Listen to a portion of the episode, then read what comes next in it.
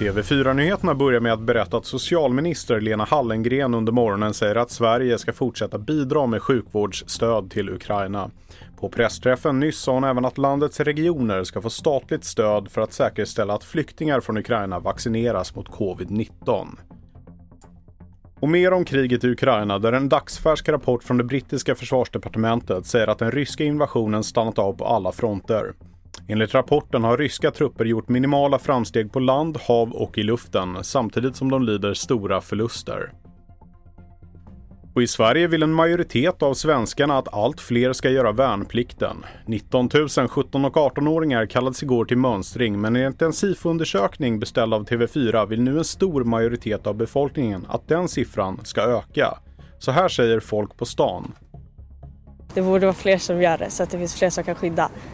Skulle du kunna tänka dig att göra värnplikten? Eh, ja, faktiskt.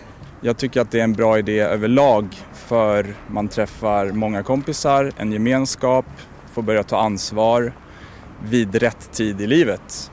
Jag heter Felix Bovendal och mer nyheter hittar du på tv4.se.